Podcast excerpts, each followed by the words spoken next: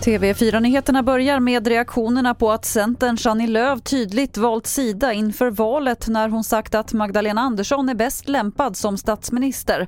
Kritik kommer både från de egna leden och från andra partier. Vi hör Vänsterpartiets Nooshi Dadgostar.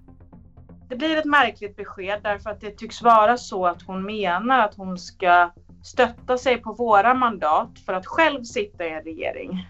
Eh, och det fungerar inte utan Eh, väljarna har valt partier och vi behöver sitta tillsammans och kompromissa eh, och föra en regering framåt. Nyss kom uppgifter om att en brand brutit ut i en villa på Värmdö utanför Stockholm. Räddningstjänsten säger till Aftonbladet att det är en fullt utvecklad brand och att det finns risk att den sprider sig i vegetationen. Det finns inga uppgifter om att någon person ska ha skadats i branden. Och till sist kan vi berätta att någon eller några tände eld på flera valaffischer i Torslanda på hissingen i Göteborg i tidigt i morse. Affischerna har plockats ner, lagts på hög och sen eldats upp.